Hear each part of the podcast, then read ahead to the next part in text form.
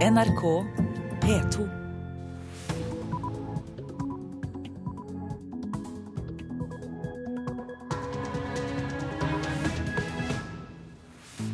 Bli med Nyhetsmorgen onsdag 6.11. Nå klokka 6.30 er dette overskriftene. Asylsøkere blir levert på bussen av politiet uten at de følger med dem videre. I ettertid av en sånn hendelse så oppleves det helt, eh, helt forferdelig. Inge Johan Kirketeig i Sogn og Fjordane Transportarbeiderforening. Asylsøkere som først har søkt om opphold i et annet europeisk land, får ikke helsebehandling i Norge, selv om de har psykiske problemer. Spesialisthelsetjenesten må prioritere strengt. Og det innebærer at de som står eh, på vent for eh, uttransportering, de vil i stor grad bli avvist fra slik behandling. Ann Margrit og generalsekretær i NOAS. Palestinerne vil ikke forhandle om fred så lenge Israel fortsetter med å utvide bosettingene på Vestbredden. Forhandlingene brøt sammen i går kveld. Publikum har sviktet norsk film i år, men eh, Flåklypa kan redde besøkstallene. Her i studio, Øystein Heggen. Flere bussjåfører har opplevd at politiet eskorterer asylsøkere til bussen, for så å dra igjen. Mandag kveld drepte en asylsøker fra Sør-Sudan to passasjerer og bussjåføren på Valdresekspressen. Tillitsvalgt i Sogn og Fjordane Transportarbeiderforening, Inge Johan Kirketeig, er en av sjåførene som har opplevd å få folk levert på bussen av politiet. Det skjedde det at, at eh, politiet kommer med en person, og vi får han inn på buss.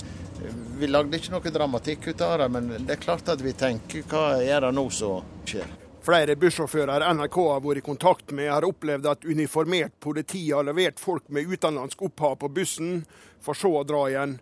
En av de som har opplevd dette, er Inge Johan Kirketeig, tillitsvalgt i Sogn og Fjordane Transportarbeiderforening. Sett i lys av trippeldrapene på Valdresekspressen mandag kveld er han opprørt. Ja, det oppleves det, iallfall i ettertid av en sånn hendelse, så oppleves det helt, eh, helt forferdelig. Politimeisteren i Sogn og Fjordane, Ronny Iden, kjenner ikke til tilfeller der uniformert politi har levert folk på bussen, og ønsker ikke å kommentere saka. Det vil imidlertid Tore Masdal, trafikksjef i Firda Bilag, som sjøl har opplevd at politiet har levert folk på bussen, for deretter å forsvinne. Ja, jeg har òg sett at det har skjedd uh, i min tid i uh, Firda Bilag. Ja, nå sitter vi inne i bussen her, uh, og hvordan har du det i dag? Jeg har det ikke godt i dag. Jeg syns det var en forferdelig trist opplevelse. Og, og bussjåfører generelt er opptatt av dette her, og, og eh, syns det var for jævlig, for å si det veldig enkelt. Inge Johan Kirketaug sa det. Han er fra Sogn og Fjordane Transportarbeiderforening. Reporter Bård Siem. Asylsøkere som har søkt om opphold i et annet europeisk land før de kommer til Norge, får ikke behandling selv om det blir oppdaget at de har psykiske problemer. Det sier Norsk organisasjon for asylsøkere, NOAS. Det er også tilfeldig om disse asylsøkerne får en helseundersøkelse når de kommer til Norge. Selv om det skulle være påvist et behov for behandling, så vil ikke behandling bli igangsatt dersom det ikke er akutt nødvendig, fordi man skal returneres. Og da vurderes det slik at eh, det å sette i gang en behandling som må avbrytes, ikke vil være til gode for eh, personen, eller at personen ikke har rett til det. Det sier Ann Margrit Austnå i NOAS. Personer som søker asyl i Norge, men som allerede er registrert i et annet europeisk land, skal ifølge Dublin-avtalen raskt sendes tilbake til dette landet.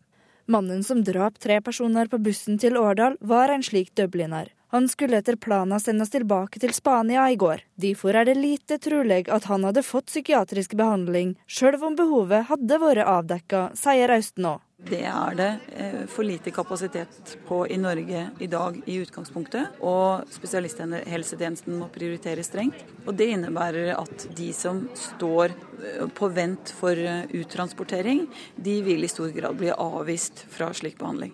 Så sjøl om det blir oppdaga, så blir det ikke nødvendigvis behandla? Nei. Vigdis Vevstad ved Institutt for samfunnsforskning forsker på tilhøva for asylsøkere i Norge. Hun forteller at Norge, i motsetning til EU, ikke har bestemte regler for hvordan asylsøkere blir undersøkte når de kommer til landet. I dag er det mer overlatt til tilfeldighetene. Det beror på mottakene, det beror på de kommunene som hjelper. Vevstad er også medlem av Utlendingsnemnda, og hun er uroa over hvor tilfeldig systemet er i Norge i dag. Bekymringen er at det kan være noe tilfeldig om personer som kommer og som f.eks. er traumatiserte, eller som er ofre for eh, vold eller eh, andre hendelser som gjør at de trenger hjelp når de kommer. At dette ikke blir fanget opp av systemet. Det kan, det, tilfeldighetene gjør at vi mener her bør det være en lovgivning på plass. Fra nyttår kommer det nye regler som også gir flyktninger omfattet av Dublin-avtalen rett til intervju med norske myndigheter, slik andre asylsøkere har. Reporter her, det var Ellen Wiseth. Palestinerne vil ikke forhandle om fred så lenge Israel fortsetter med å utvide bosettingene på Vestbredden. Forhandlingene brøt sammen i går kveld. Tre måneder, over 20 forhandlingsmøter. Men det har vært liten framgang i møter mellom israelske og palestinske forhandlere.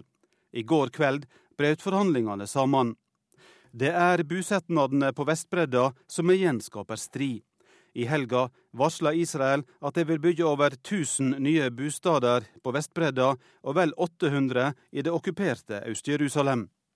Israelerne er fast bestemte på å holde fram med å utvide bosetnadene, og vi kan bare ikke forhandle så lenge dette pågår, sier ei høytstående palestinsk kjelde. I går kveld kom den amerikanske utenriksministeren John Kerry til Tel Aviv. Han håper å få fart på fredsprosessen, men det blir verre nå etter forhandlingsbruddet. with the president of the Palestinian Authority to try to find a way forward. Jeg er her for å prøve å finne en vei videre i nært samarbeid med israelske og palestinske ledere, sa Kerry. I dag møter han den israelske statsministeren Benjamin Netanyahu i Jerusalem. Deretter reiser han til Betlehem på Vestbredda for å gå i møte med palestinerne sin president Mahmoud Abbas. Kerry er optimist, selv om han ikke legger skjul på at byggevirksomheten skaper vansker for fredsprosessen.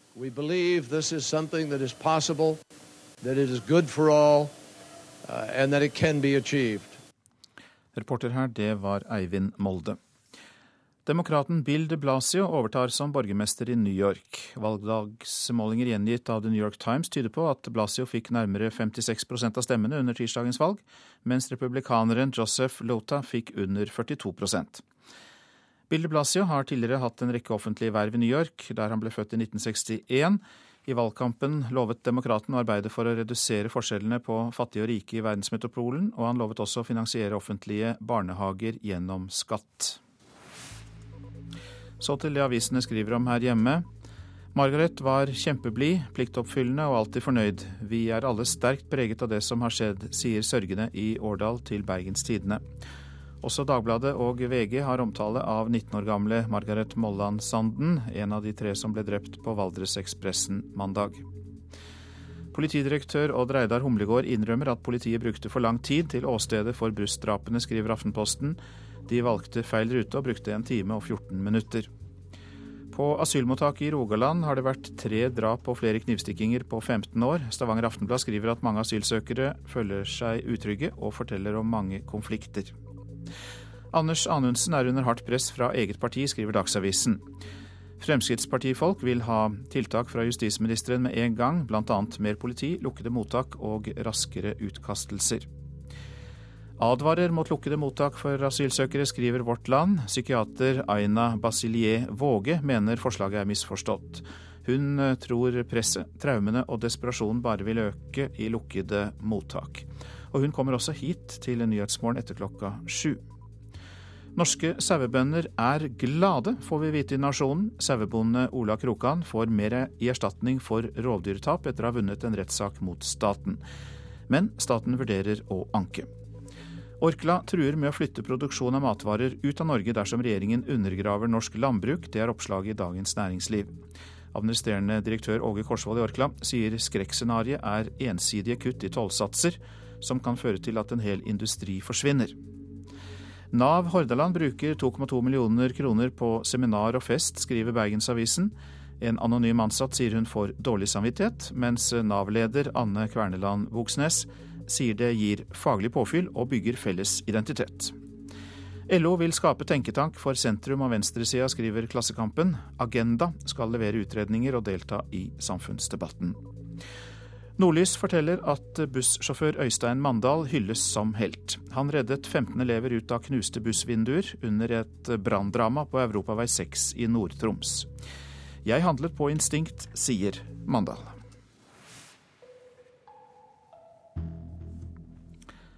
Både sykepleiere og lærere må få høyere lønn. Det mener arbeidsmarkedsekspert Kjell G. Salvanes ved Norges handelshøyskole i Bergen.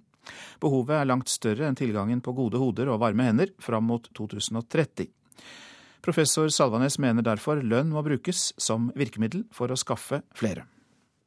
Det er òg snakk om vi har for lite sykepleiere. Vi har ikke for lite sykepleiere, vi har for lav lønn til sykepleiere. Derfor vil ikke folk bli Det er ganske hardt yrke, ganske krevende yrke, både psykisk og fysisk.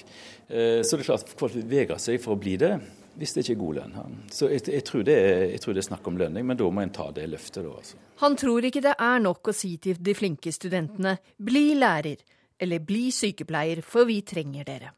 Professor Kjelge Salvanes ved Norges handelshøyskole er ekspert på utdanning og arbeidsmarkedsøkonomi. Han mener det er på tide å oppvurdere de flinke, som satser på helse og skole. Jeg tror du må lage litt mer fleksibilitet i lønnsfastsettelse i offentlig sektor, som bruker denne typen talent, om en vil. Gi litt mer forskjell i lønner gi, eh, for å tiltrekke seg talentene. Jeg tror det er det som må til. Nye prognoser fra Statistisk sentralbyrå viser at det blir stor mangel på lærere, på sykepleiere, hjelpepleiere og andre fagarbeidere frem til 2030. Og det blir ikke så stor mangel på ingeniører som tidligere antatt. Nils Martin Stølen er forskningssjef i Statistisk sentralbyrå. Ja, For det første da, så øker etterspørselen eh, veldig sterkt etter sykepleiere, helsefagarbeidere og andre typer helsepersonell. Så øker det også i i stor grad for lærere, og der øker det kanskje litt mer enn det vi forutså tidligere. Forskningssjefen håper myndighetene nå styrer utdanningsprogrammene slik at mangelen på lærere og helsearbeidere blir minst mulig. Ja, ellers så eh, må de by opp lønningene nokså mye, og det kan også da bli et klart problem. Så anbefalingen er egentlig at eh, Torbjørn Røe Isaksen må snarest sette og utdanne flere? Ja, det er på en måte en av eh, anbefalingene som følger av det. Men organiseringen av velferdsproduksjonen må ikke stå i veien for å skaffe kompetansen samfunnet trenger, mener professor Kjelge Salvanes ved Norges handelshøyskole i Bergen. Dette går, er betalt direkte over budsjettet, så det er jo en spesiell ting, dette. Eh, men da må man være villig til å lage litt større fleksibilitet eh, i lønnssystemet. Så det er ikke noe problem?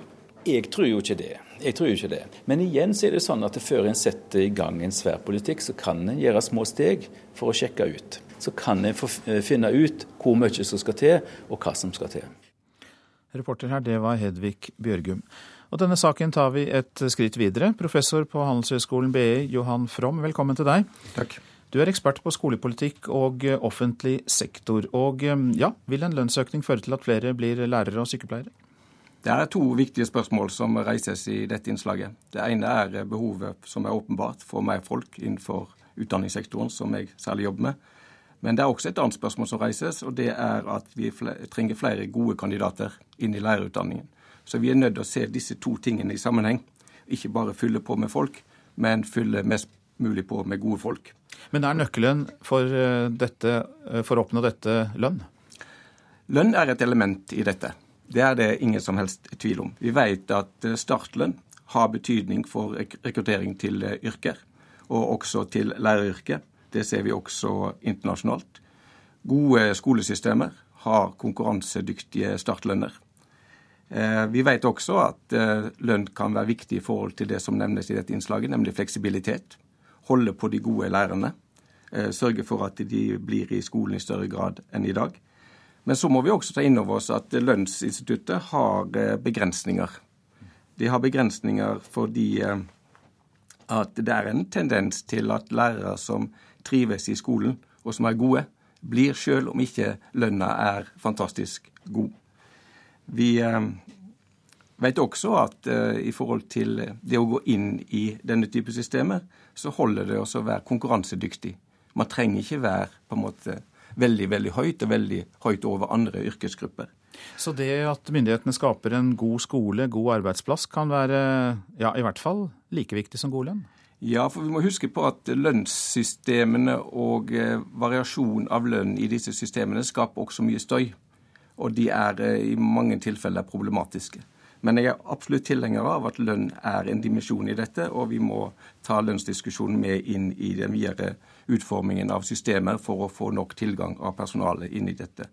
Men det er som du sier, at eh, det er noen momenter til. Og et av de er helt åpenbart at vi eh, bør nok tenke oss om hvilken type arbeidsplass er det vi skaper for eh, morgendagens ungdom som skal ut i et interessant yrkesliv.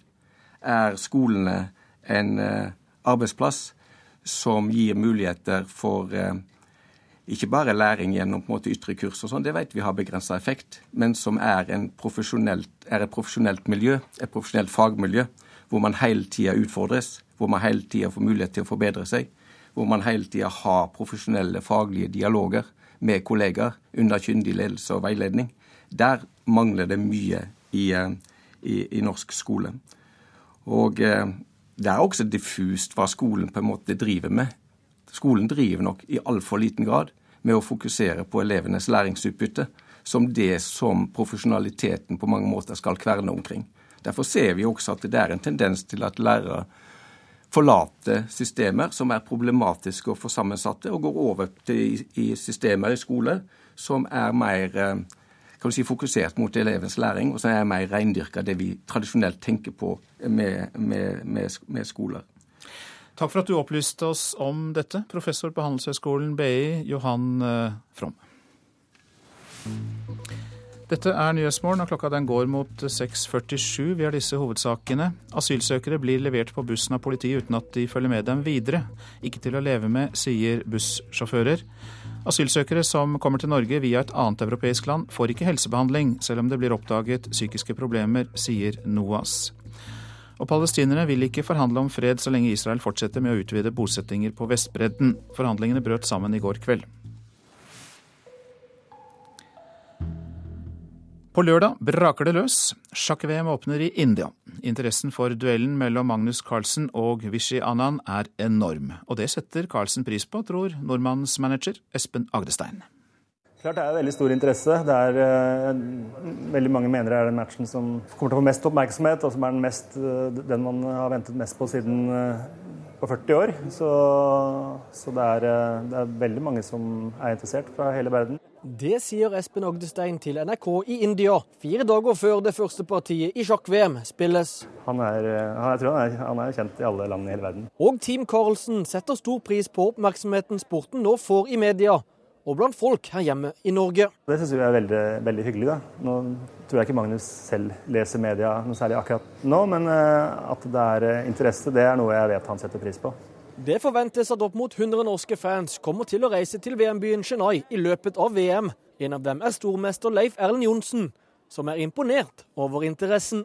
Og mange er nok fra sjakkmenigheten, da, som, som, oss. Men, men vi har også hørt at det er mange som egentlig ikke har spilt sjakk aktivt her i Norge, men syns det er såpass gøy med Magnus at de reiser ned. Og det er veldig morsomt å se. Men Johnsen og de andre norske har nok lite å stille opp med mot sjakkgale indere. Milliardland liksom får VM-finalen i sjakk og har verdensmesteren og støtter opp om sin egen verdensmester, så er det klart det får enorm oppmerksomhet. Anan er jo en folkehelt i India. Reporter Anders Mjåland, og det blir sjakk minutt for minutt på NRK TV. Første sending fra VM i India lørdag klokka 10.15.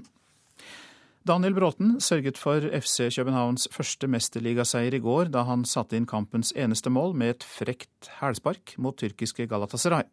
Ståle Solbakkens menn ligger på tredjeplass i gruppa og er målforskjellen unna å gå videre. Nå skal vi høre at stadig flere nordmenn ønsker å være til stede når familiemedlemmer blir kremert. De fleste moderne krematorier har egne besøksrom der de pårørende kan følge kremasjonen.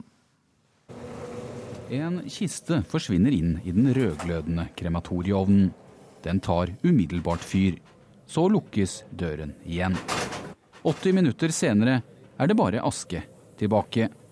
Stadig flere vil være til stede når deres kjære blir kremert, forteller kirkeverget Ivar Nygård ved Drammen kirkelige fellesråd. Ja, her på krematoriet har vi jo et uh, besøksrom hvor man kan være med på selve kremasjonen. Dvs. Si man kan se på at kisten går inn i ovnen, at den tar fyr.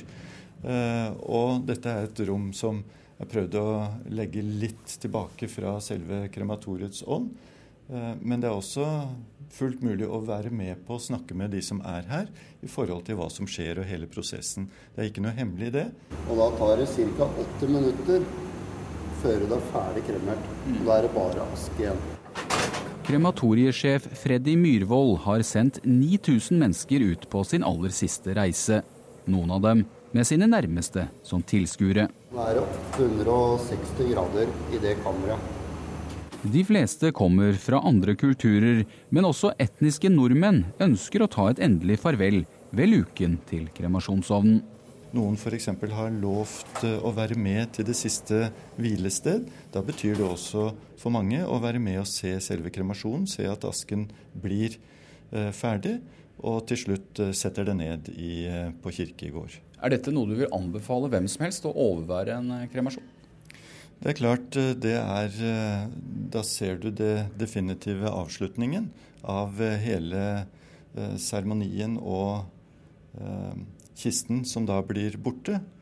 Det, jeg, jeg, tror det er godt for mange å være med helt til det siste, hvor ikke det er noe mer å gjøre enn annet enn å ta med urne til selve nedsettelsen på, jord, på kirkejorden. Flere av de store krematoriene på Østlandet bekrefter den samme tendensen. Tror du folk eh, flest er klar over at uh, dere er så fleksible at dere lar uh, pårørende overvære en, en, en sånn seanse? Nei, det tror jeg ikke. Det har nok vært flere og flere som er blitt klar over det den siste tiden, og særlig også etter at gravferdsloven ble revidert, hvor det skal tas hensyn både til forskjellige etniske bakgrunner, gravferdstradisjoner og annet. Og der kommer jo mye det eh, både turister og andre opplever i utlandet, eh, med åpne bål og at man kremerer eh, uten at det er noe hemmelig eller skummelt med det. Vi hørte kirkeverget Ivar Nygaard der til slutt, reporter Jan Erik Viltil. Det dårligste kinoåret på lenge. Det er status for 2013 så langt. Nå håper filmprodusent Åge Aaberge at jul i Flåklypa sørger for et anstendig besøkstall for norsk film før året er omme. Jaså, Pløsen. Hva er jeg kan gjøre for denne karen? Fredag har Jul i Flåklypa premiere. Basert på Kjell Aukrusts klassiske univers med Reodor Felgen, Solan og Ludvig, bør vel både unge og gamle fristes til et kinobesøk. Det må til for at 2013 skal bli et brukbart år for norsk film. Hittil i år har litt over 1,5 millioner av oss gått på kino for å se norske filmer. Vi må tilbake til 2007 for å finne dårligere besøkstall for samme periode. Produsent Åge Aaberge sto bak braksuksessen Kon-Tiki. Han innrømmer at flere av årets filmer ikke har innfridd forventningene. Hvis vi ser på, eh, på kinoåret så langt til 2013, så er det klart at vi liker jo ikke tendensen, vi som jobber med film. Det at norsk film generelt har en, uh, har en nedgang. Det gjør ikke vi. Jøsses, er det noe galt med Halefjøra, tru? Men Aaberge er optimist på vegne av Flåklypas evne til å fikse tallene før nyttår. Hos Norsk Filminstitutt studerer informasjonsdirektør Mette Taraldsen tallene. Hun synes ikke de ser så ille ut, og understreker at det er to måneder igjen av året. Hvis vi skal bare anta at eh, en halv million mennesker og vel så det går og ser Jul i Flåklypa, og kanskje en 80 000-90 000 går og ser Kilbuljo 2, som jo er omtrent det det var med Kilbuljo 1, så har vi et veldig godt kinoår. Rasmus Sivertsen er regissøren bak Jul i Flåklypa. At halvannet års arbeid med dokker og ørsmå bevegelser bilde for bilde er det som skal redde norsk films rykte i år, hadde han ikke sett for seg. Det er veldig vanskelig å spå eh, en suksess, og det tror jeg er litt av grunnen til at det er så spennende å jobbe i det mediet her. Eh, de få gangene eh, man får en suksess, så er det ofte en liten X-faktor med. En viktig årsak til at de kommersielle norske kinofilmene hittil har uteblitt, skyldes at Filminstituttet ikke har gitt dem nok oppmerksomhet, sier Åge Aaberge.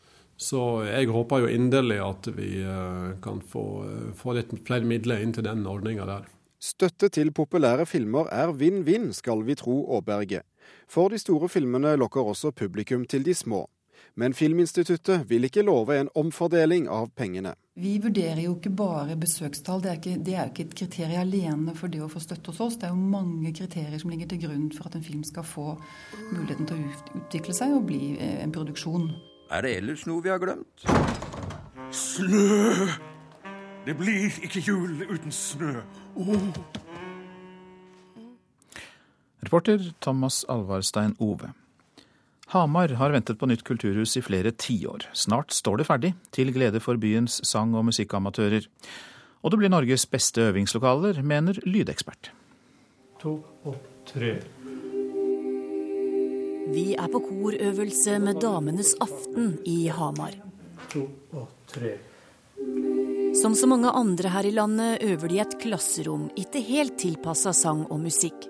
Men over nyttår skal de inn i korrommet på det nye kulturhuset. Vi gleder oss veldig til det. Og det har grunn til å glede seg, mener seniorakustiker Christian E. Meisingseth. Jeg tror, tror, det kan bli absolutt det beste, ja. I Norge? I Norge, ja. Absolutt. Det skal bli godt å, å få litt klang, så vi kan eh, hente inn andre stemmer fra rommet. For det er jo det god akustikk gjør. Vi er veldig spent på åssen det vil bli der, da. Toril Nybrott og Tittin Wold har ikke sett lokalene ennå, men vi fikk være med på en omvisning i Kulturhuset. Det rommet her skal brukes mye for ungdom, rockemusikk og sånne mindre konserter. Hamar er i forkant av en nylig utarbeida norsk standard for akustikk i øvingslokaler. Det er jo fantastisk fint, altså. Den er ennå ikke vedtatt, men er i disse dager ute på høring. Målet med den er å sikre alle som spiller, synger, danser eller driver med teater, lokaler med tilrettelagt akustikk. Det er jo ikke vanlig i det hele tatt i Norge at vi har det. da. I Oslo og Akershus så er det kun mellom 10 og 15% av musikklokalene, det være seg øvelse eller fremføring, som fungerer som det skal. Ja, og det hadde jo vært trist å åpne et hus som eh, ikke hadde holdt standarden. Sier daglig leder i Hedmark og Oppland musikkråd, Trond Eklund Johansen.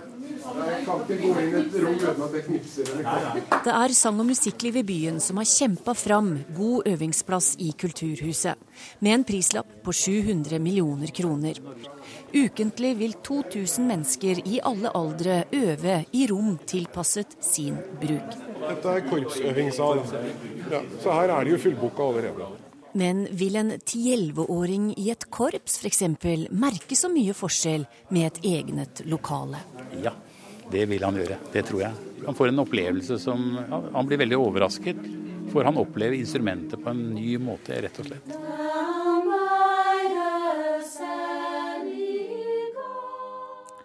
Denne reportasjen fra Hamar var laget av Torunn Myhre. Så skal jeg ta meg av været. Fram til midnatt fjellet i Sør-Norge delvis skyet oppholdsvær, lokal tåke i lavere strøk. Østlandet oppholdsvær, stedvis noe sol, særlig nord og øst. Lokal tåke eller tåkeskyer, særlig først på dagen. Telemark får pent vær, lokal tåke eller tåkeskyer. Agder får det meste oppholdsvær, i øst til dels pent. Lokal tåke, vesentlig først på dagen.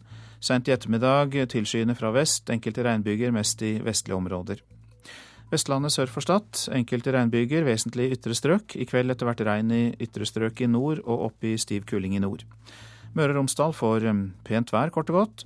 Trøndelag etter hvert stort sett pent, lokal tåke. Helgeland, Saltfjellet, Salten og Ofoten delvis skyet, for det meste opphold. Lofoten og Vesterålen enkelte sluddbyger først på dagen, ellers delvis skyet opphold. Troms enkelte snøbyger i ytre strøk, ellers delvis skyet oppholdsvær. Kyst- og fjordstrøkene i Vest-Finnmark utsatte steder liten kuling, enkelte snøbyger. Og så blir det stort sett oppholdsvær til kvelden.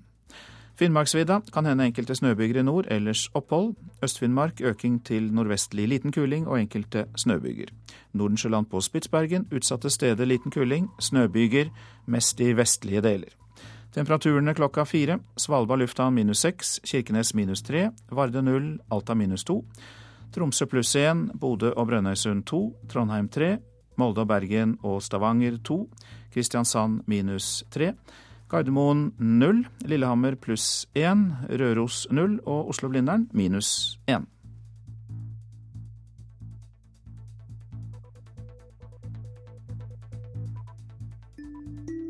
NRK P2. Kripos skal avhøre mannen som er siktet for de tre drapene om bord på Valdresekspressen. Og i dag er det ventet et gjennombrudd i de vanskelige fredsforhandlingene i Colombia. Her er NRK Dagsnytt klokka sju.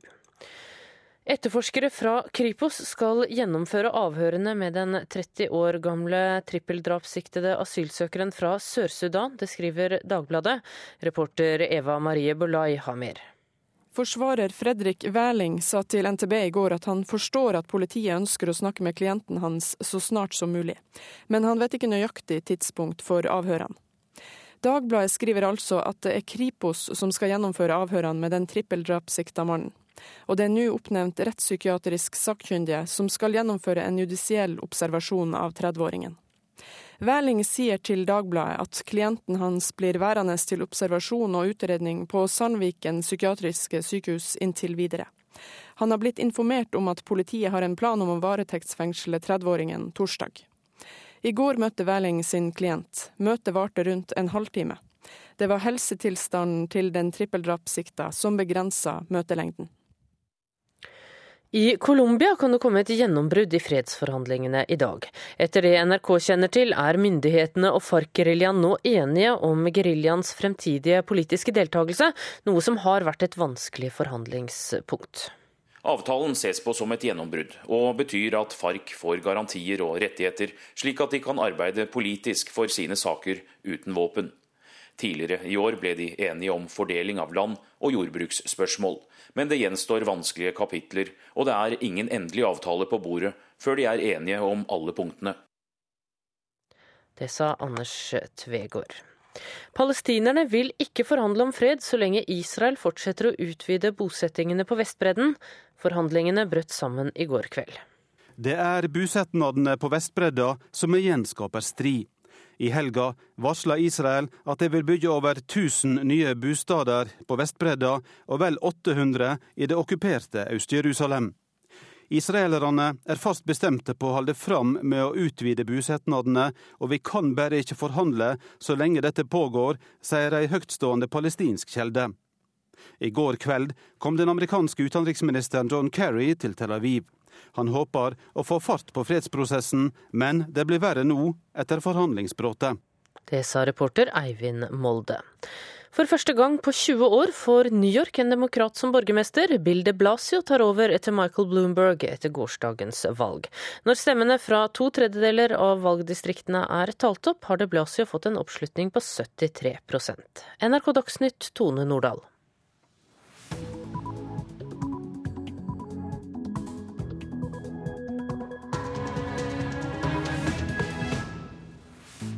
Nyhetsmorgen fortsetter med disse sakene. 5000 asylsøkere venter på å bli sendt ut av landet. Vi skal høre mer om hvilken virkning det kan ha på dem.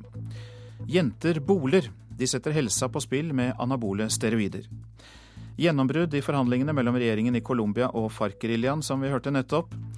Men det er en økende voldsspiral i Hellas. Det er to utenrikssaker du får høre mer om i Nyhetsmorgen.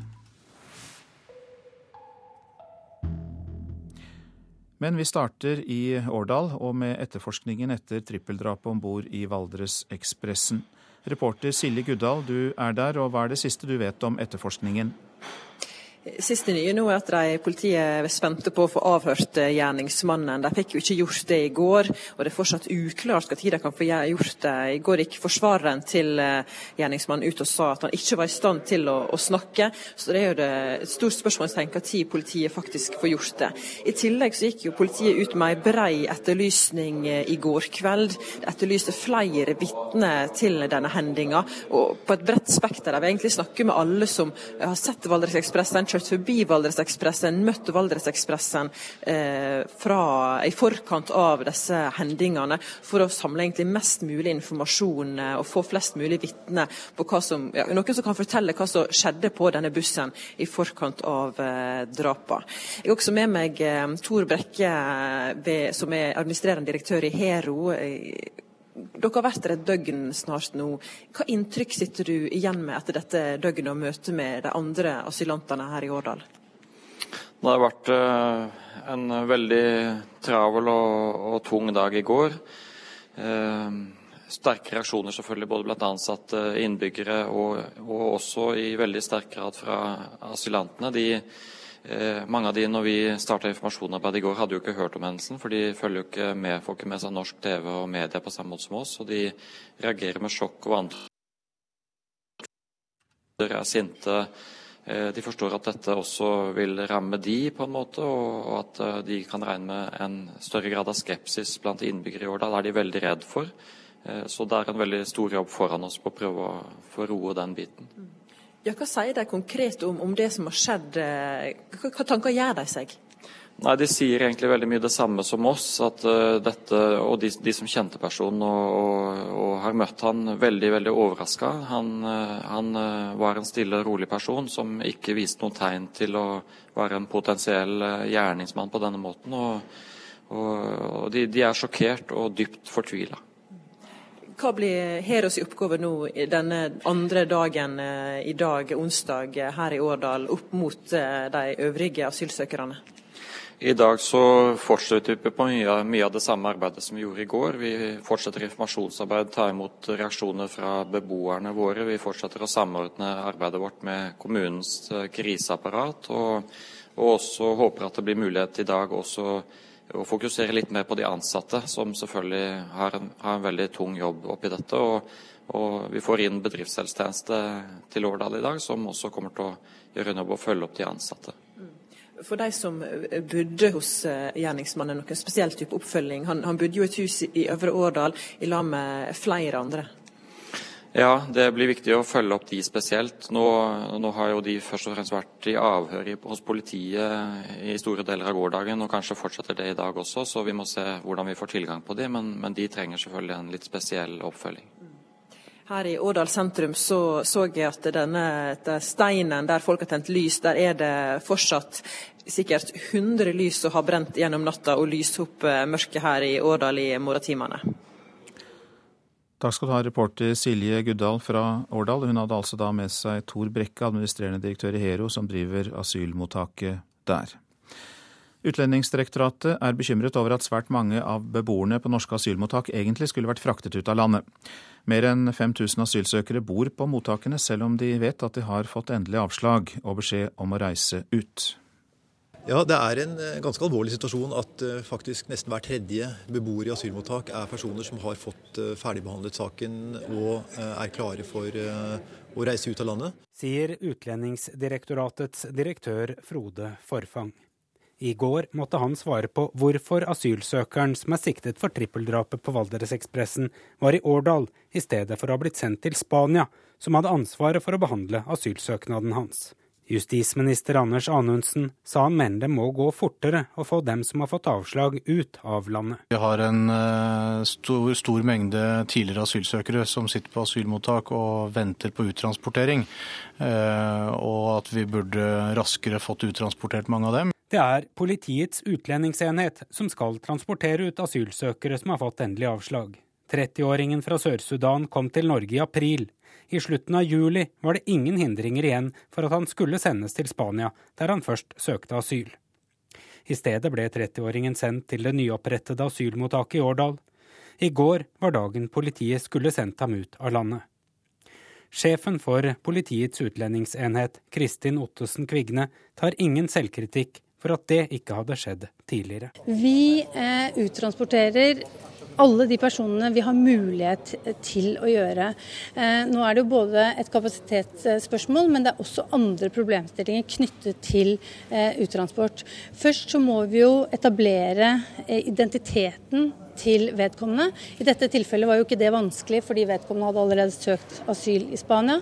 Men i andre tilfeller kan det være en prosess som tar lang, lang tid. Og så skal vedkommende aksepteres tilbaketatt til sitt hjemland, eller som i dette tilfellet til et annet land. Så dette her er prosesser som ta, må ta, nødvendigvis må ta en del tid. Men vi jobber veldig målrettet i forhold til å få eh, ut eh, transportert så mange som mulig av disse som har utreisefrist. Det er altså mer enn 5000 mennesker i Norge som har et endelig vedtak om at de ikke får bli her i landet. UDI-direktør Forfang ser ingen lett utvei for å få ned det tallet. Det hadde vært i aller høyeste grad ønskelig at vi raskere fikk til returer, men det er et stort og ganske komplekst problem som det ikke finnes helt enkle løsninger på. Men når det gjelder disse returene til andre europeiske land, så er det de returene som det er lettest å få til, og som man også faktisk i de aller fleste tilfellene klarer å få til. Reportere her Fredrik Lauritzen og Arild Svalbjørg. Ja, det er altså 5000, eller en tredel av alle asylsøkere, som venter på å bli sendt ut av landet. Psykiater ved Stavanger universitetssykehus, Aina Basilier Våge. Hvilke virkninger har det på dem? Det å gå og vente på, med usikkerhet er noe av det mest stressende som mennesker kan oppleve. Og man vet at situasjonen som asylsøker representerer en større psykiatrisk helsefare enn det faktisk å være traumatisert i krig, når vi ser på langtidseffekter. Det blir en kombinasjon av utrygghet, angst, forvirring. Man er omgitt av likesinnede som er like fortvilet. Man kan ikke gjøre noe med situasjonen. Man sitter hjelpeløs og yrkesløs, gjør ingenting. Og angsten bare bygger seg opp. Så det er en forferdelig vanskelig situasjon. Hvilke virkninger kan det ha på dem selv og omgivelsene? Det bygger jo opp den angst og utrygghet som mange har, og som er bakgrunnen for at de har kommet hit til landet. Og når de da ikke, mange av de opplever at de ikke blir trodd på sin historie, og at de skal videre, så bygger det opp en desperasjon og en hjelpeløshet og et psykisk stress som er ganske ekstremt, og som i sum, hvis man ser på traumer i bagasjen under flukt, det å være asylsøker, så er det nærmest oppskriften på å skape problemer og skape mennesker som er så desperate, og mange så fortvilede at de kanskje mister litt kontrollen over seg selv, og da skal det av og til ganske små ting til for at det fører til veldig alvorlige situasjoner. Jeg kjenner ikke til Valdres-situasjonen spesielt, men tenker at det må være en kjerne her av ekstremt dårlig psykisk helse som blir ytterligere belastet. Hva ville kunne ha hjulpet i sånne situasjoner så tenker jeg det verste er å gå ledig. Vi har jo det norske uttrykket 'lediggang er roten til alt ondt'. Det gjelder jo spesielt også disse som da går med angst og utrygghet. De må få noe å gjøre. De må få lov å bli en del av det samfunnet som er rundt dem, slik at de slipper å være konstant opptatt av de negative aspektene. De må få helsetjenester som kan ivareta dem på en god måte. Og jeg tenker det er ikke bare de som kan gjøre noe, men vi må også gjøre noe i vårt syn på og forståelse for disse asylsøkerne. At ikke vi lar den retorikken om lykkejegere og tikkende bomber føre oss på avveier, men at vi ser at dette i stor grad er torturerte, krigstraumatiserte mennesker som trenger vår hjelp, og som er i en desperat situasjon med tanke på retur til noe som for dem er det samme som den sikre død. Men det som har kommet fram nå i debatten, er jo ønsket om lukkede mottak for å hindre at samfunnet blir utsatt for asylsøkere som kanskje kan være voldelige. Hva tror du om det? Nei, det blir som en advokat sa, vi har en fremmedfryktpolitikk, og vi skal skjerme oss fra dem. Det å ha lukkede mottak vil øke belastningen på disse menneskene. Det vil øke angsten, øke desperasjonen og bidra til økt vold og økt forferdelse. Slik at hvis man vil skape såkalte tikkende bomber, så skal man etablere lukkede asylmottak. Men et lukket mottak kan vel også kunne gi dem mer trygghet og kontroll? Hvem skal ha mer kontroll, og hvem skal ha mer trygghet? Det å sperre inne folk fører sjelden til noe godt. Da må man gjøre det på andre måter enn med lukkede mottak. Takk skal du ha, Aina Basilier Våge, som altså er psykiater ved Stavanger universitetssykehus. Dette er Nyhetsmorgen, og dette er hovedsaker. Mannen som er siktet for drapene på Valdresekspressen er ennå ikke avhørt. Asylsøkere blir levert på bussen av politiet uten at politiet følger med dem videre. De er ikke til å leve med, sier bussjåfør. Og det er gjennombrudd i forhandlingene mellom regjeringen i Colombia og FARC-geriljaen.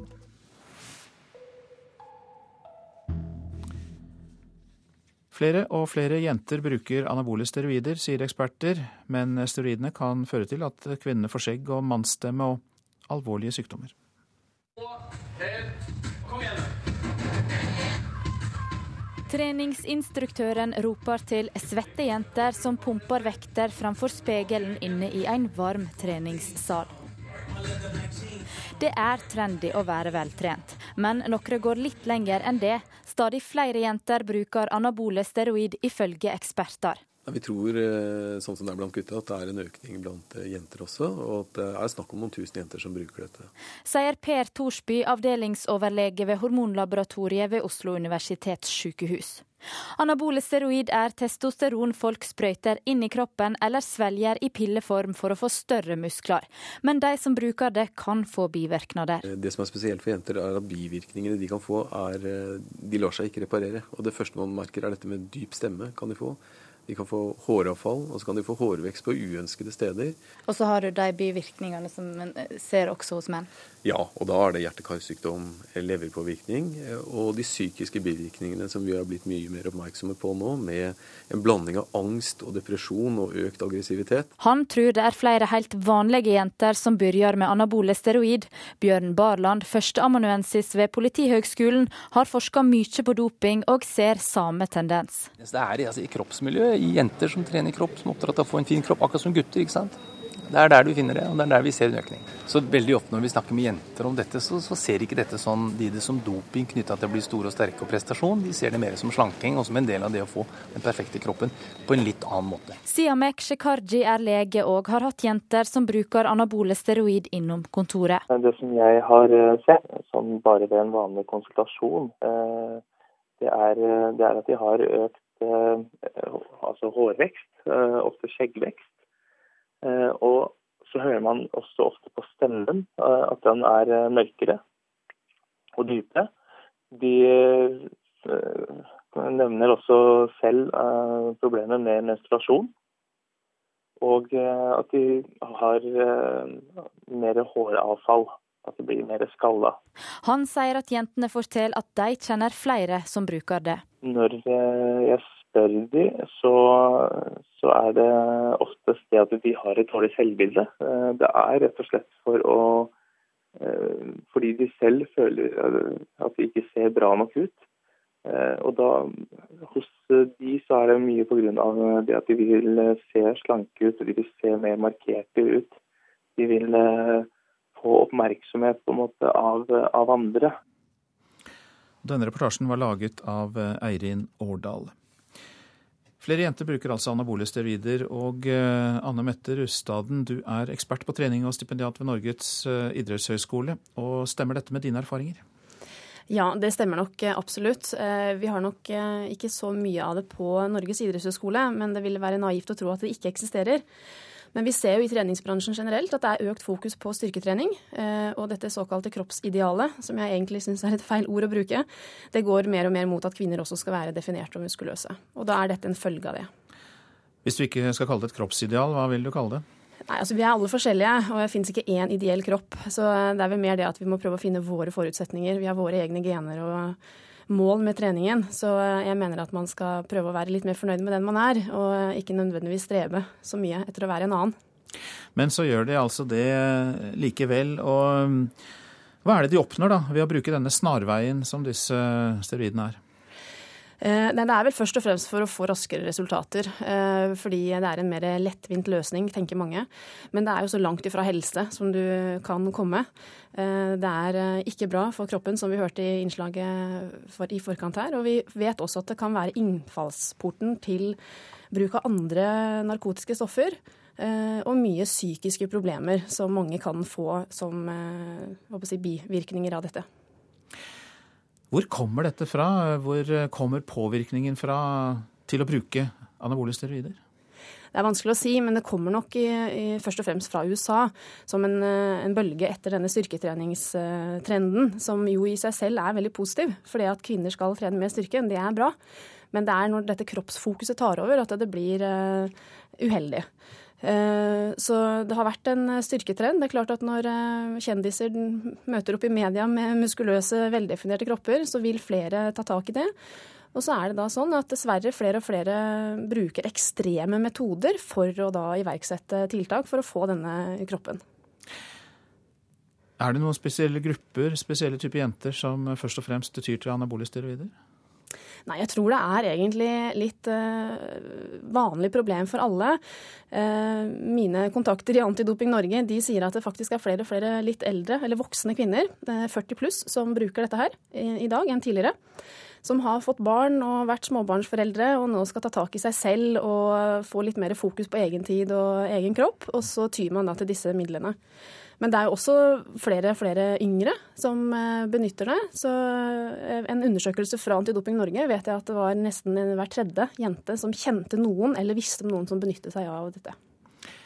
OK, du advarer sterkt mot denne snarveien, det å bruke anabole steroider. Hva vil du anbefale de som vil eh, forbedre kroppen og styrken? Nei, altså det er å ha en sunn tilnærming til trening og helse. Eh, for mye sunt kan bli usunt. Eh, og det finnes jo egne diagnoser på de som lar på en måte denne helsetrenden ta helt overhånd, sånn at det går ut over livskvalitet. Men regelmessig normal mengde dosering trening og litt selvtillit og litt tro på sin egen kropp og helse, det tror jeg vi alle har godt av. Så alt med måte. Vi trenger ikke å bruke disse ytterpunktene for å være fornøyde. Det tror jeg er et viktig budskap. Vi tar det med oss videre. Takk skal du ha, Anne Mette Rustaden, som altså er forsker ved Norges eh, idrettshøgskole. Nå til Hellas, for landet kan gå inn i en ny voldsspiral etter drapene på to medlemmer av det høyreekstreme partiet Gyllent daggry. Venstreekstreme grupper har de siste dagene oppfordret til gatekamper. Den siste runden med forhandlinger har blitt forlenget to ganger for å få partene til å nærme seg. Senere i dag innkaller FARC-geriljaen og Colombias regjering til pressekonferanse, og etter det NRK har grunn til å tro, vil de kunngjøre en avtale om politisk deltakelse. Dette er et av de vanskeligste spørsmålene i forhandlingene, som holdes på et hemmelig sted i den cubanske hovedstaden. Avtalen ses på som et gjennombrudd, og betyr at FARC får garantier og rettigheter, slik at de kan arbeide politisk for sine saker uten våpen. Tidligere i år ble de enige om fordeling av land og jordbruksspørsmål, men det gjenstår vanskelige kapitler, og det er ingen endelig avtale på bordet før de er enige om alle punktene. De beveger seg fremover, kanskje ikke tilstrekkelig raskt nok, men de beveger seg i alle fall fremover, og det er positivt. Sa Norges spesialutsending Dag Nylander da diskusjonene startet i sommer om hvordan geriljaen skal få delta i det politiske livet. Norge og Cuba er støttespillere og tilretteleggere for fredsprosessen, som forsøker å få slutt på 50 år med borgerkrig i Colombia. I snart ett år har de forhandlet, og de er bare enige om to av seks punkter. Likevel kan dagens kunngjøring bety at partene har kommet så langt og investert så mye politisk kapital at det er vanskelig å bryte forhandlingene. Tilliten er i ferd med å bygges, og for kort tid siden ble også det siste sivile gisselet som geriljaen holdt, løslatt. Forventninger skapes også hos en skeptisk befolkning i Colombia. Men det tøffeste punktet om justis, straffansvar og en sannhetskommisjon gjenstår.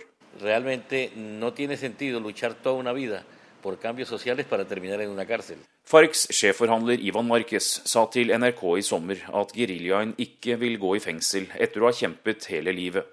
Kommandanten ønsker en fredsavtale, men i eget tempo uten ytre påvirkninger. No Trolig fortsetter fredsforhandlingene etter presidentvalget i Colombia neste vår, dersom dagens president blir gjenvalgt. President Obama, uh, president Obama tar imot Colombias leder Juan Manuel Santos her i Washington i begynnelsen av desember for å vise støtte til fredsprosessen. Anders Tvegård, Washington.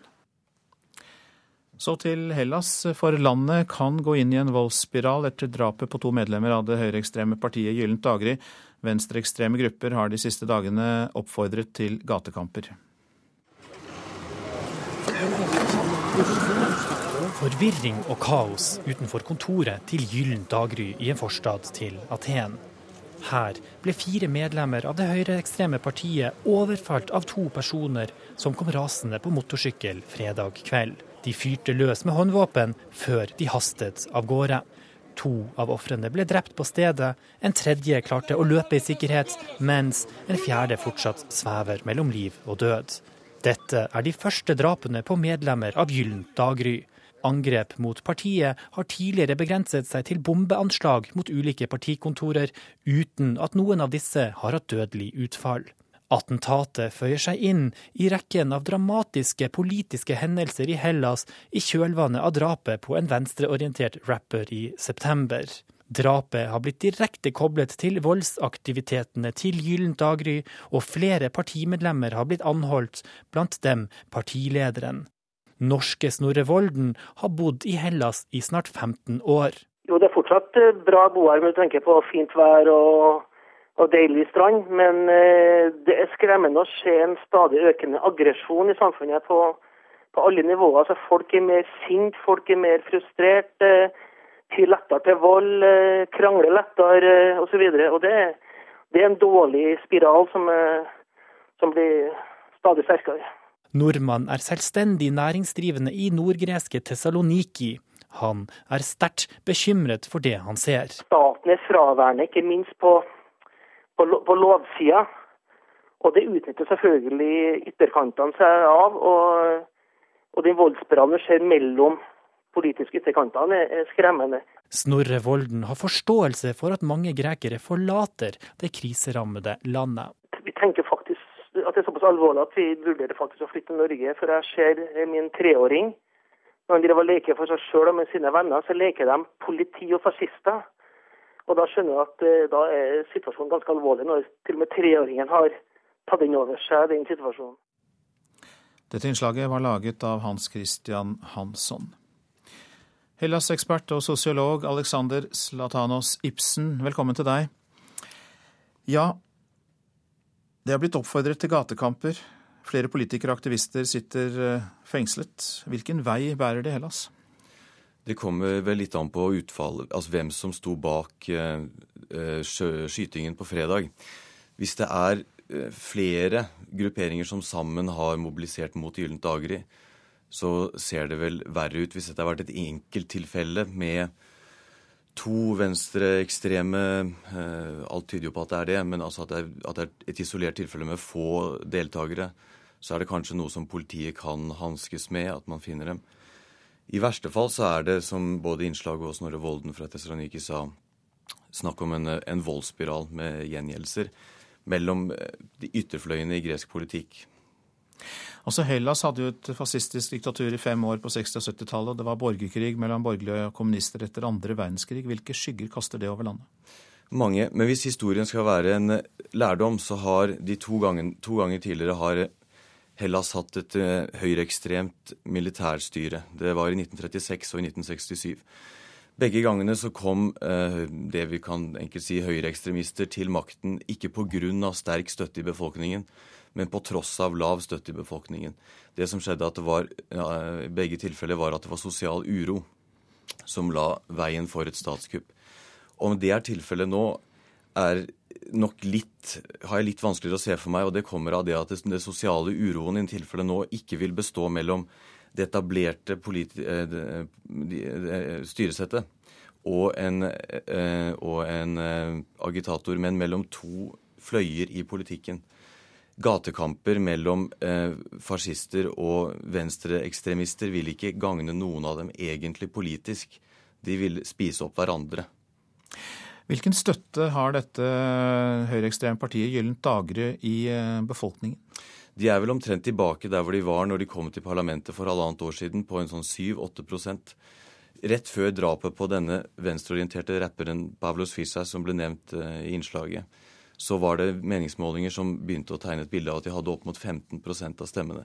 Det kan hende det stemte den gang, men det er ikke der de ligger i dag. Men de er fortsatt landets tredje største parti.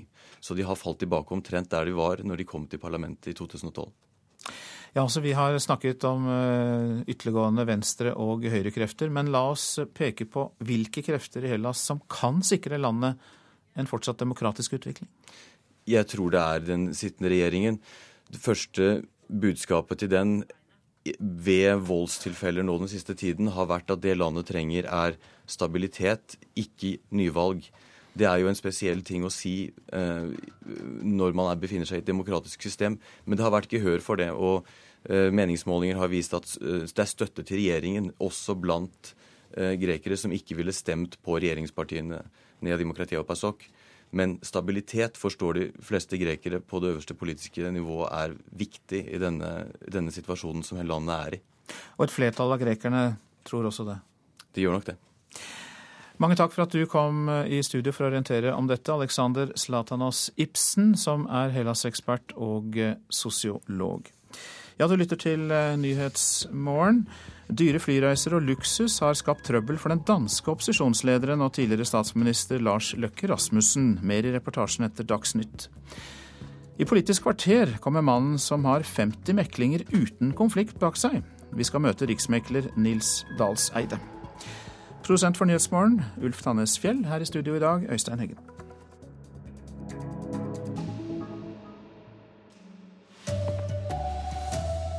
Kripos skal avhøre mannen som er siktet for trippeldrapet i Årdal.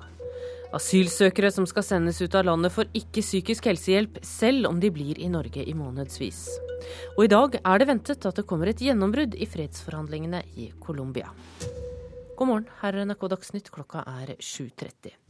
Politiet jobber nå på spreng for å finne ut hva som skjedde da tre mennesker ble drept om bord i Valdresekspressen mandag kveld. Det er Kripos som skal gjennomføre avhørene med mannen som er siktet for drapene. Så langt er han ennå ikke avhørt, skriver Dagbladet. Reporter Silje Guddal, du er med oss fra Årdal, og hva kan du fortelle om etterforskningen nå? Den er, foregår med uforminska styrke, som etterforskningslederen eh, sier. De vil i dag eh, forsøke å eh, ha flere vitneavhør av eh, de andre asylantene, spesielt flere av de som bodde med vedkommende i eh, Øvre Årdal, dette huset i ja, gatene i Øvre Årdal. Og så eh, har de gått ut bredt senest i går kveld og etterlyst flere vitner. De vil egentlig ha kontakt med alle som så Valdresekspressen passerte Valdresekspressen, kjørte forbi Valdresekspressen i tida før disse grufulle hendelsene, for å måtte lappe sammen et, et, bilde av eh, det som skjedde da. I tillegg blir det sentralt i dag for politiet å også hente ut mer av eh, telefonsamtaler, telefoninformasjon, eh, telefondata rett og slett fra rundt Tyinkrysset, der det var utrolig mange som ringte inn nødtelefoner da dette skjedde kommunikasjonen der blir viktig.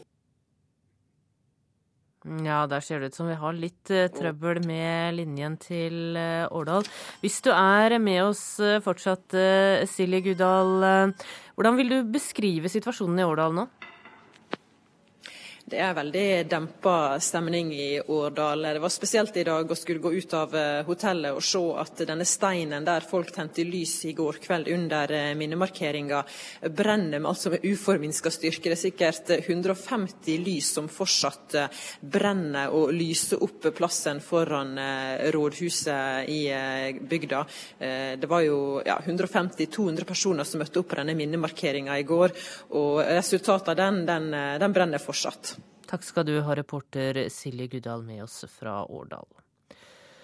Utlendingsdirektoratet er bekymret over at svært mange av beboerne på norske asylmottak egentlig skulle vært fraktet ut av landet. Over 5000 asylsøkere bor i mottakene, selv om de vet at de har fått endelig avslag og beskjed om å reise ut. Ja, Det er en eh, ganske alvorlig situasjon at uh, faktisk nesten hver tredje beboer i asylmottak er personer som har fått uh, ferdigbehandlet saken og er klare for å reise ut av landet. Sier Utlendingsdirektoratets direktør Frode Forfang. Justisminister Anders Anundsen sa han mener det må gå fortere å få dem som har fått avslag, ut av landet. Vi har en uh, stor, stor, mengde tidligere asylsøkere som sitter på asylmottak og venter på uttransportering. Uh, og at vi burde raskere fått uttransportert mange av dem. Det er Politiets utlendingsenhet som skal transportere ut asylsøkere som har fått endelig avslag. 30-åringen fra Sør-Sudan kom til Norge i april. I slutten av juli var det ingen hindringer igjen for at han skulle sendes til Spania, der han først søkte asyl. I stedet ble 30-åringen sendt til det nyopprettede asylmottaket i Årdal. I går var dagen politiet skulle sendt ham ut av landet.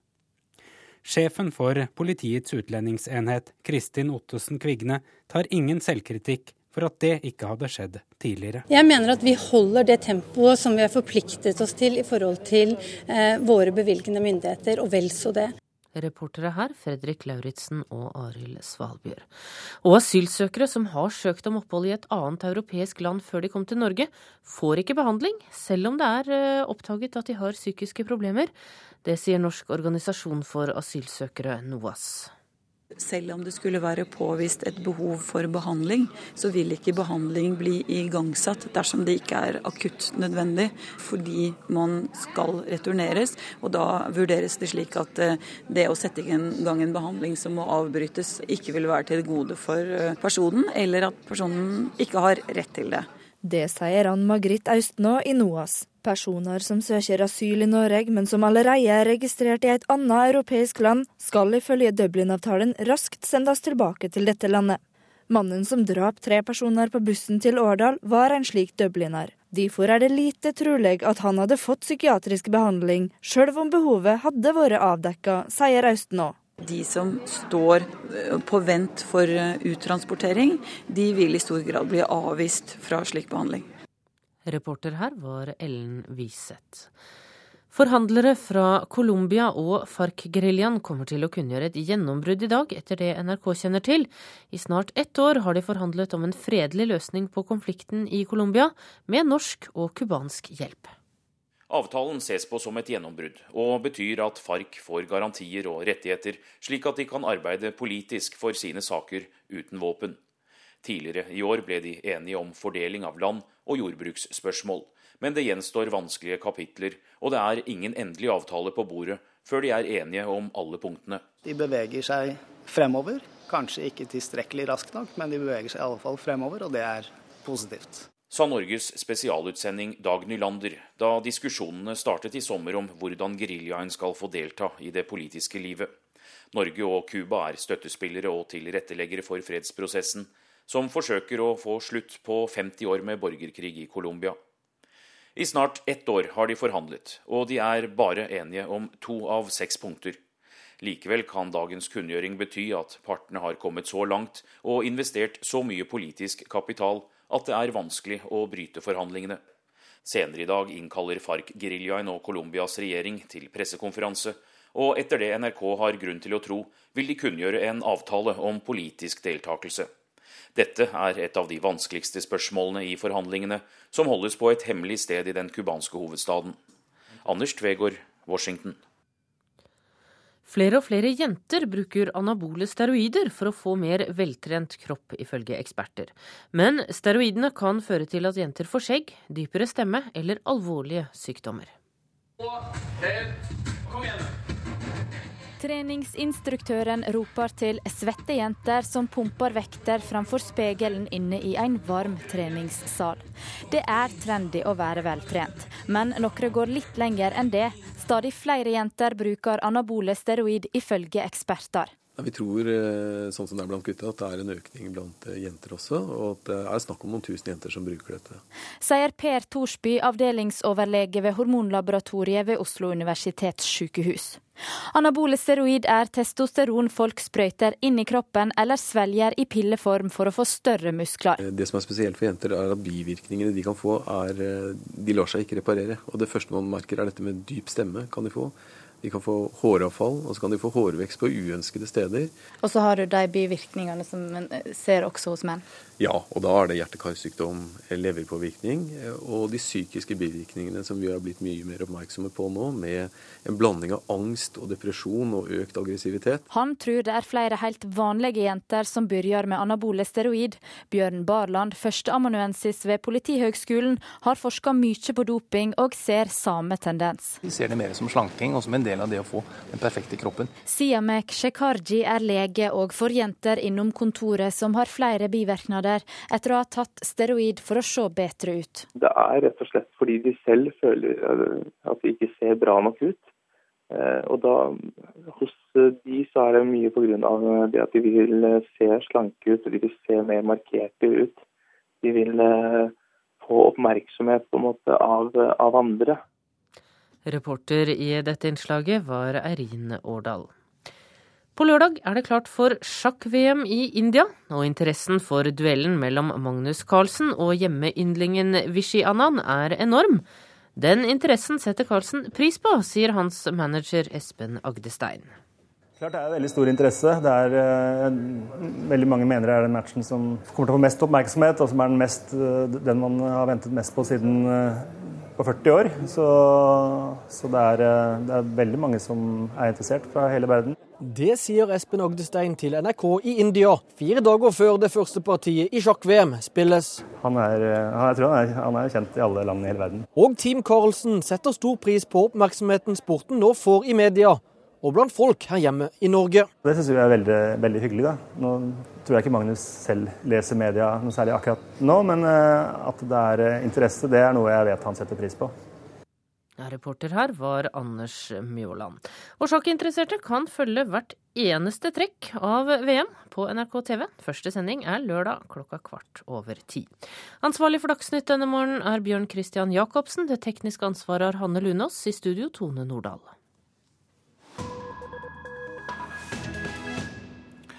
Du lytter til P2s Nyhetsmorgen. Den danske opposisjonslederen Lars Løkke Rasmussen har havnet i kraftig turbulens pga. dyre flyreiser og luksuriøse vaner. Skandalen har, han har havnet i kan føre til at drømmen om å gjenerobre statsministerkontoret blir knust. Hans Christian Hansson har laget denne reportasjen.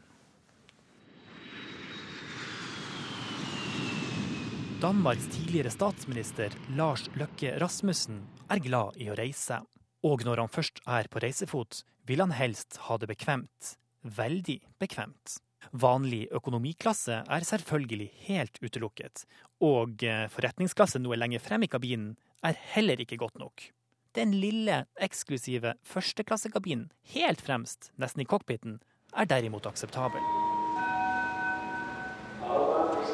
Men etter mange behagelige flyreiser har den danske opposisjonslederen nå havnet i kraftig turbulens for regningen har blitt høy.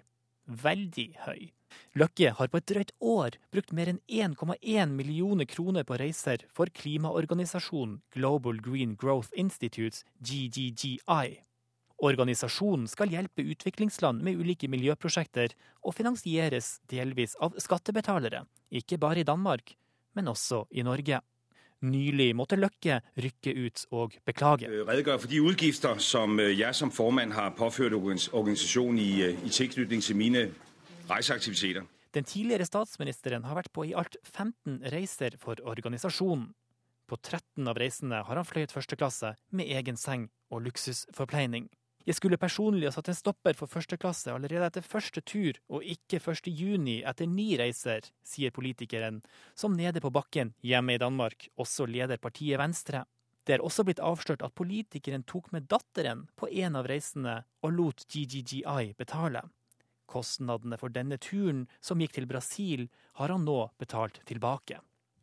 Til tross for at Løkke har forklart seg grundig i Danmark siden eh, saken begynte å rulle, mener politiske kommentatorer at skandalen kan bli meget alvorlig. Lars Løkke Rasmussen og hans parti har tatt til orde for nøysomhet og forsiktig omgang med skattebetalernes penger. Men nå spør mange seg hvorfor avstanden mellom liv og lære ser ut til å være så stor. Frem til skandalen ble avslørt, har mange sett på Lars Løkke som Danmarks neste statsminister. Venstre har nemlig hatt som klart mål å kaste sosialdemokraten Helle Thorning-Schmidt ut av regjeringskontorene ved neste valg. Men nå faller Venstre tydelig på meningsmålingene. Saken er ekstra ille fordi det ikke er første gang Løkke havner i søkelyset for rot i bilagene. Også tidligere har han fått kritikk for lemfeldig omgang med skattebetalernes penger, f.eks. da han var innenriks- og helseminister. Og ikke nok med det. Under en debatt i Folketinget mens han var statsminister, viste Løkke at han ikke helt har det samme forholdet til penger som dansker flest. 2000 kroner. Det kommer an på hvem man er. Altså Jo, jeg tror Noen steder kan man sikkert få et par sko for de pengene. Altså øh... Etter mye oppstyr de siste ukene er Løkke etter hvert gått lei av maset. Nå går han ut med en klar oppfordring til pressen. Jeg har ikke flere øh, kommentarer til mine private økonomiske forhold. Mange dansker mener imidlertid at forholdene det er snakk om slett ikke er av privat karakter, og at Løkke har med å svare for seg. I alle fall om han fortsatt har ambisjoner om å gjeninnta regjeringskontorene. Dette er hovedsaker i Nyhetsmorgen. Kripos skal avhøre mannen som er siktet for trippeldrapet på en buss i Årdal. Så langt er han ennå ikke avhørt. Asylsøkere som skal sendes ut av landet, får ikke psykisk helsehjelp selv om de blir i Norge i månedsvis. I dag er det ventet et gjennombrudd i fredsforhandlingene i Colombia. Forhandlingene har pågått i snart et år med norsk og cubansk hjelp. Og det nærmer seg fredag, faktisk. og Den nye regjeringens statsbudsjett, programleder i Politisk kvarter, Bjørn Bø. Ja, og kravet om mer pengebruk strømmer alt inn til Stortinget. Og så skal vi møte en meister i arbeidsfred.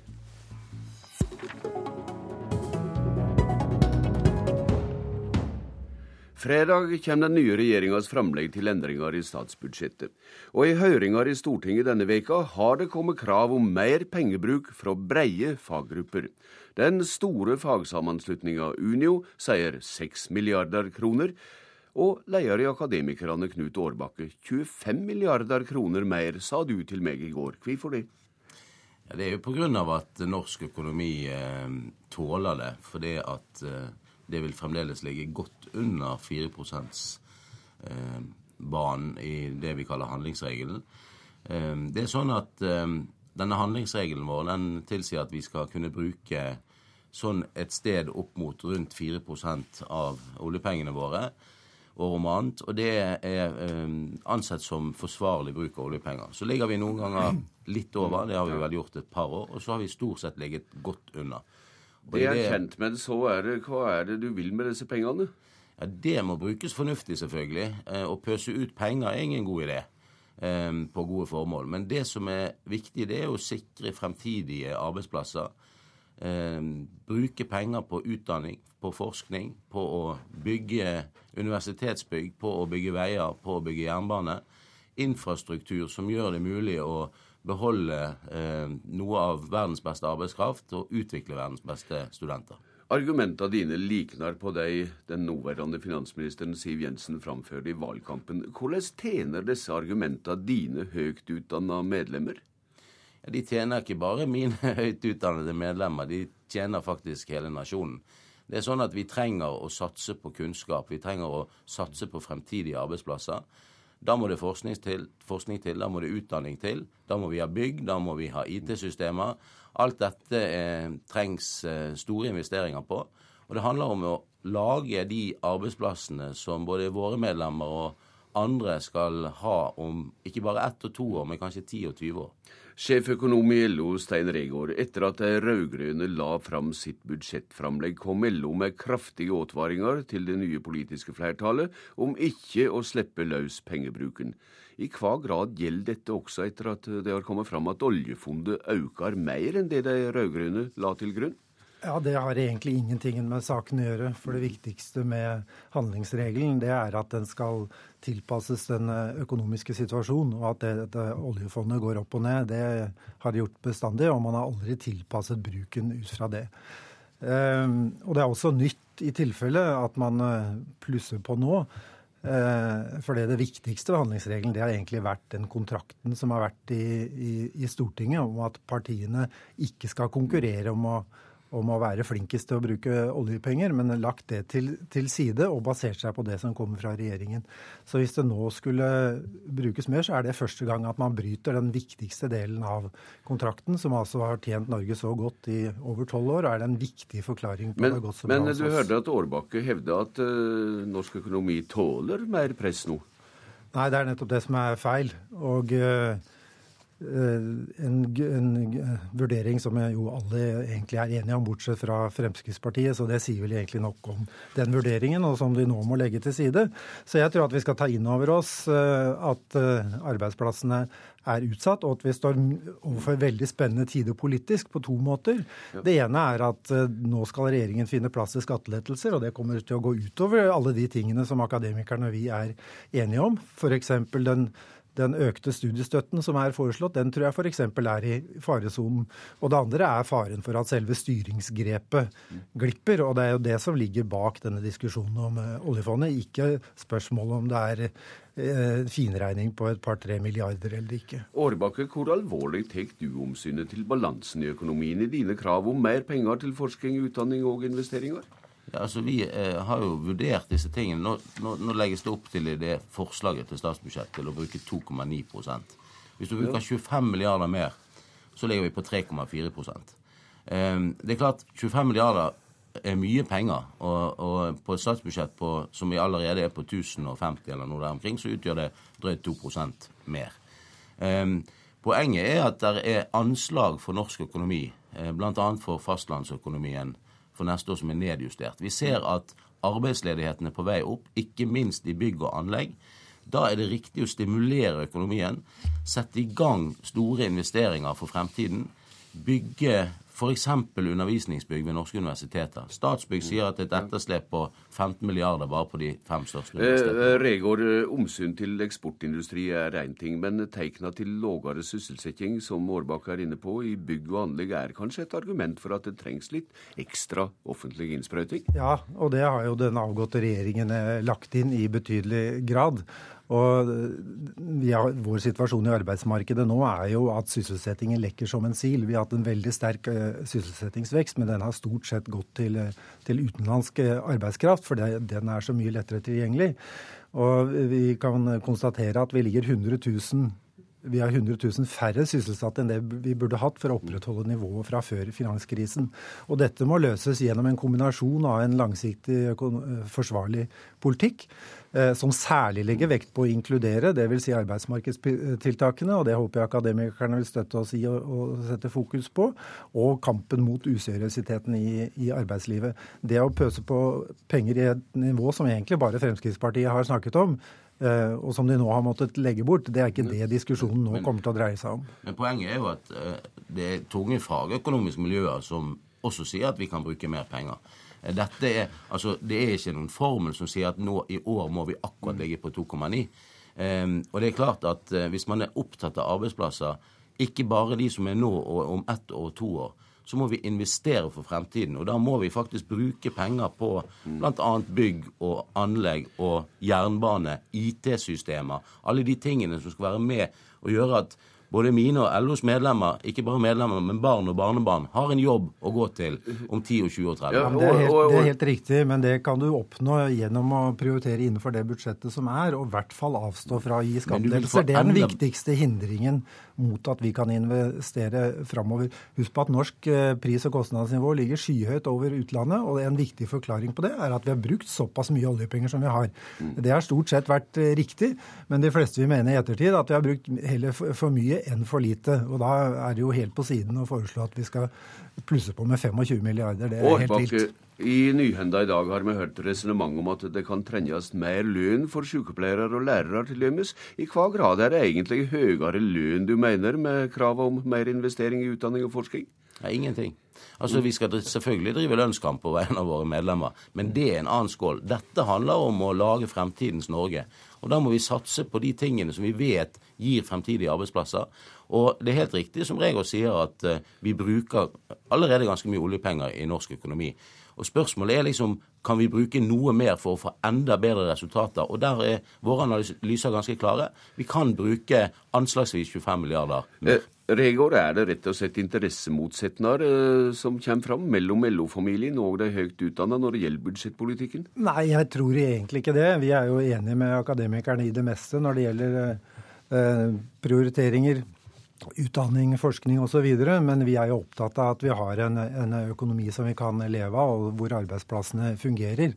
Eh, og ikke lage en sånn eh, arabisk drømmeøkonomi som det er satt veldig mye på å unngå, og som er er faktisk en, en, av de viktigste hemmelighetene bak den norske suksessen. Og det er det spenningen nå dreier seg om. Glipper det grepet? For hvis regjeringen allerede i sitt første gjør et hårfint riv her, så, så, blir det veldig spennende framover. Årbakke, hvordan vil det holde fram med dykkar trykk for det uh, Regård kaller drømmene dykkar inn i budsjettingene som Kristelig Folkepartis Hans Olav Syversen skal drive i Stortinget etter at boet fra regjeringa kommer fredag? Ja, Nå har vi jo allerede vært hos Syversen og sagt hva vi mener om det. Og så skal vi også gi han noen gode notater i etterhånd når eh, tilleggsproposisjonen kommer.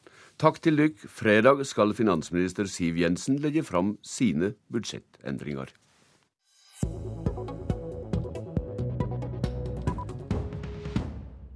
Denne veka kom meklinga i Norwegian i havn uten streik. Vi skal møte mannen som har mer enn 50 meklinger bak seg uten konflikt. Ja, Jeg syns det er et imponerende tall. Og, det er klart at eh, megleren har betydning for om det blir streik eller ikke. Så det, dette tyder jo på at han har gjort en eh, god jobb. Men det er klart at eh, før eller senere så kommer det en umulig situasjon, og det blir streik uten at eh, dette kan tilskrives eh, at megleren ikke har gjort en god jobb. Denne attesta kom fra økonomiprofessor Steinar Holden, og den gjelder deg, riksmekler Nils Dalseide. Velkommen i studio på Elverum. Takk for det. Hva er eh, knepa dine bak denne imponerende meklingssoga? Ja, jeg må si et par ting først. Jeg tror ikke at det har så mye med meg å gjøre. Ehm, det er mange faktorer som virker inn på om det blir ei løsning eller ikke, og det handler egentlig mest om å få muligheten til å prøve å få det til. Ehm, det avgjørende er egentlig om partene er interessert i en løsning. Altså dersom de virkelig ser seg tent med det, så er det, den viktigste, det nok den viktigste faktoren til å få til en løsning.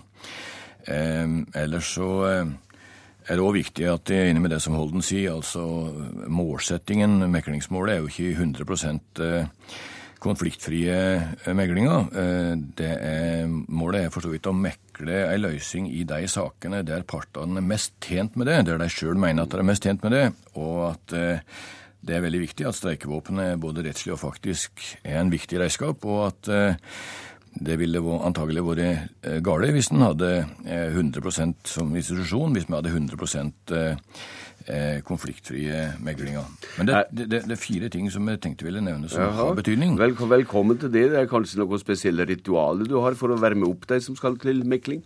Nei, altså det som eh, Jeg tenker at hvis du får partenes tillit, eh, og du viser for så vidt utholdenhet og, og oppfinnsomhet, så Eh, og en porsjon humor, så, så, er det en fordel eh, hvis du kan få med deg folk eh, på det. Og, så jeg har ikke noen sånne knep, egentlig, annet enn at vi skal være enige om arbeidsmåten og om rekkefølga og legge stein på stein. Er det slik at du gir partene oppmerksom på hva de har å tape dersom det blir konflikt? Ja, det er et sentralt punkt. Nå er jo Partene kan jo mye mer om dette feltet enn det en megler kan. ikke sant? De kjenner godt til virksomhetsområdet og sånn. Eh, så de er veldig ansvarsbevisst eh, i arbeidslivets parter i Norge, og de er klar over alvoret. Men det kan av og til være slik at de da får eh, litt for ensidig fokus på egne interesser, og da er det vedtukt å sammenligne hvor du kan få ved en konflikt, og hvor du kan få ved ei forhandla løsning. Dersom du mislykkes, da kan det ligge streik, men også politikk og lønnsnemnd i framholdet. I hva grad ser du på deg som en politisk aktør? Eh, det er et veldig godt spørsmål. Jeg ser det slik at både institusjonen og mekleren er partipolitisk, tariffpolitisk uavhengig og nøytral. Og det er også viktig at vi blir oppfatta slik. Det er vilkåret for å få tillit, faktisk. Og tillit er et veldig viktig verktøy. Så eh, vi, vi har ingen mening om hvem som har rett, eller hvem som har det beste argumentet. Alle har legitime krav, og det gjelder å se om det finnes ei løsning som begge kunne leve med. Er det greit uh, i utgangspunktet å skilje mellom lette og vanskelige meklinger? Det er ikke så lett på forhånd, eh, fordi at eh, noen som ser lett ut, kan bli vanskelig, og noen der det liksom varsla stor streikefare, kan bli lettere enn en tror. Men det er klart, hvis det er mange parter og mange krav, så gir det jo det vanskeligere. Og så er det jo også slik at hvis de har surra seg hardt til mastet i forkant, eh, og det er stor avstand, eh, da kan det være vanskelig. Og Nokon har jo en forhandlingsstrategi som, som gjør det tyngre å vende det om til et samarbeidsprosjekt. Du nevnte humor som et element, og jeg hører om deg at eh, det finnes det i din rike personligdom. Men finnes det morosamme episoder å minnes som du kan fortelle om, midt i alvoret? Ja, det finnes mange. Eh, noen av dem er jo vanskelig å, å ta, eh, ta, ut av sammenhengen, men du kan si når vi går der utover natta og langt ut på morgensida, så blir det jo eh, sjøl små, små, ting kan være morosamme. Det blir jo nesten som å ha tatt et par glass vin når en ikke har sovet på så mange timer. Og så Jeg husker en gang en arbeidsgiverrepresentant som hadde nok gitt etter på en del krav som ble dyrere enn det de først tenkte. Og han kom inn til meg og sa at nå har jeg funnet ut et ordtak uh, som jeg vil fortelle deg, og det er at kjenner du ikke lusa på gangen, så blir du loppa. Og der og da så syns vi det var veldig moro, begge to. Antagelig fordi vi har vært litt trøtte òg. Ja. Du kommer fra Ål i Hallingdal, og mytene sier at der har det vært mye slagsmål ned gjennom soga. Hvor nyttig er det å ha med seg? Jeg, har ikke vært spesielt sterk og flink til å slåss, så jeg har nok måttet forhandle. Og det kan jo være at det har vært til eh, At det kan jeg ha hatt nytte av. Mm. Med dine resultat burde du kanskje interessere deg for å rydde opp i Midtøsten? Der vil jeg nok aldeles sikkert komme til kort. Norge har jo veldig mange flinke meklere av internasjonale konflikter. ikke sant? FARC, mm. Colombia, Sri Lanka, Oslo-avtalen og sånn. og jeg, jeg, hørte et eh, innlegg av Torvald Stoltenberg i radioen for noen år siden der han pekte på egenverdien av kompromisset. Og det, det, jeg, det har jeg tenkt ofte på og, og latt meg inspirere av. Som riksmekler har du gjerne makt til å styre deg selv til meklinger som ser lette ut, så du slipper å få statistikken din ødelagt. Helt kort til slutt, Alseide. Eh, du kan si at jeg har vært heldig og fått, til, fått tildelt med det som er antatt vanskelige meglinger både hos Svein Longva og Reidar Webster. Og mm. det er rimelig at den som er riksmekler, tar de tyngste sakene. Så det har jeg tenkt å fortsette med, og jeg tror at vi kan få en høyt vår i 2014. Hør flere podkaster på nrk.no podkast.